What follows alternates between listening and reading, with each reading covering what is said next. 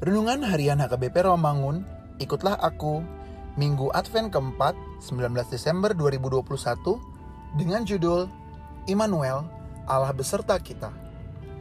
Kebenaran firman Tuhan yang menjadi ayat renungan kita hari ini tertulis dalam Yesaya 7 ayat 10 sampai 16 yang berbunyi Tuhan melanjutkan firman-Nya kepada Ahaz, katanya, Mintalah suatu pertanda dari Tuhan Allahmu, biarlah itu sesuatu dari dunia orang mati yang paling bawah atau sesuatu dari tempat tertinggi di atas. Tetapi Ahaz menjawab, Aku tidak mau meminta, aku tidak mau mencobai Tuhan. Lalu berkatalah Nabi Yesaya, Baiklah dengarkan, hai keluarga Daud, belum cukuplah kamu melelahkan orang sehingga kamu melelahkan Allahku juga?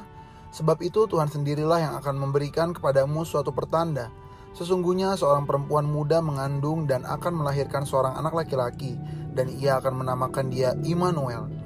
Ia akan makan dadih dan madu sampai ia tahu menolak yang jahat dan memilih yang baik. Sebab sebelum anak itu tahu menolak yang jahat dan memilih yang baik, maka negeri yang kedua rajanya engkau takuti akan ditinggalkan kosong. Demikian firman Tuhan. Firman Tuhan pada minggu Advent yang ketiga hari ini menyerukan bahwa gereja yang adalah tubuh Kristus perlu belajar untuk mengenal tanda-tanda kehadiran Tuhan dalam setiap persoalan yang sedang terjadi.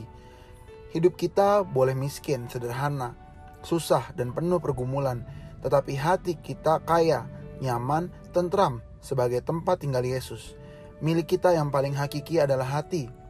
Hati kita hanya satu, jangan isi dengan keculasan tetapi isilah dengan cinta kasih.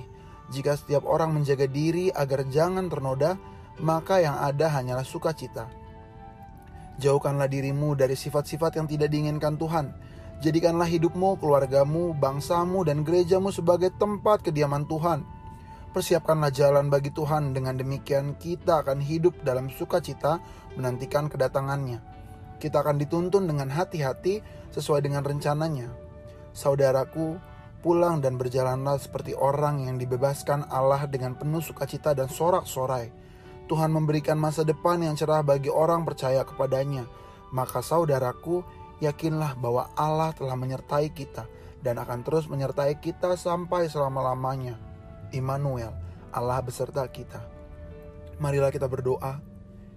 Ya Tuhan, yakinkanlah hati kami untuk menyerahkan seluruhnya hanya ke dalam tangan pengasihanmu dan teguhkanlah iman kami untuk menghayati bahwa Engkau selalu beserta kami. Amin.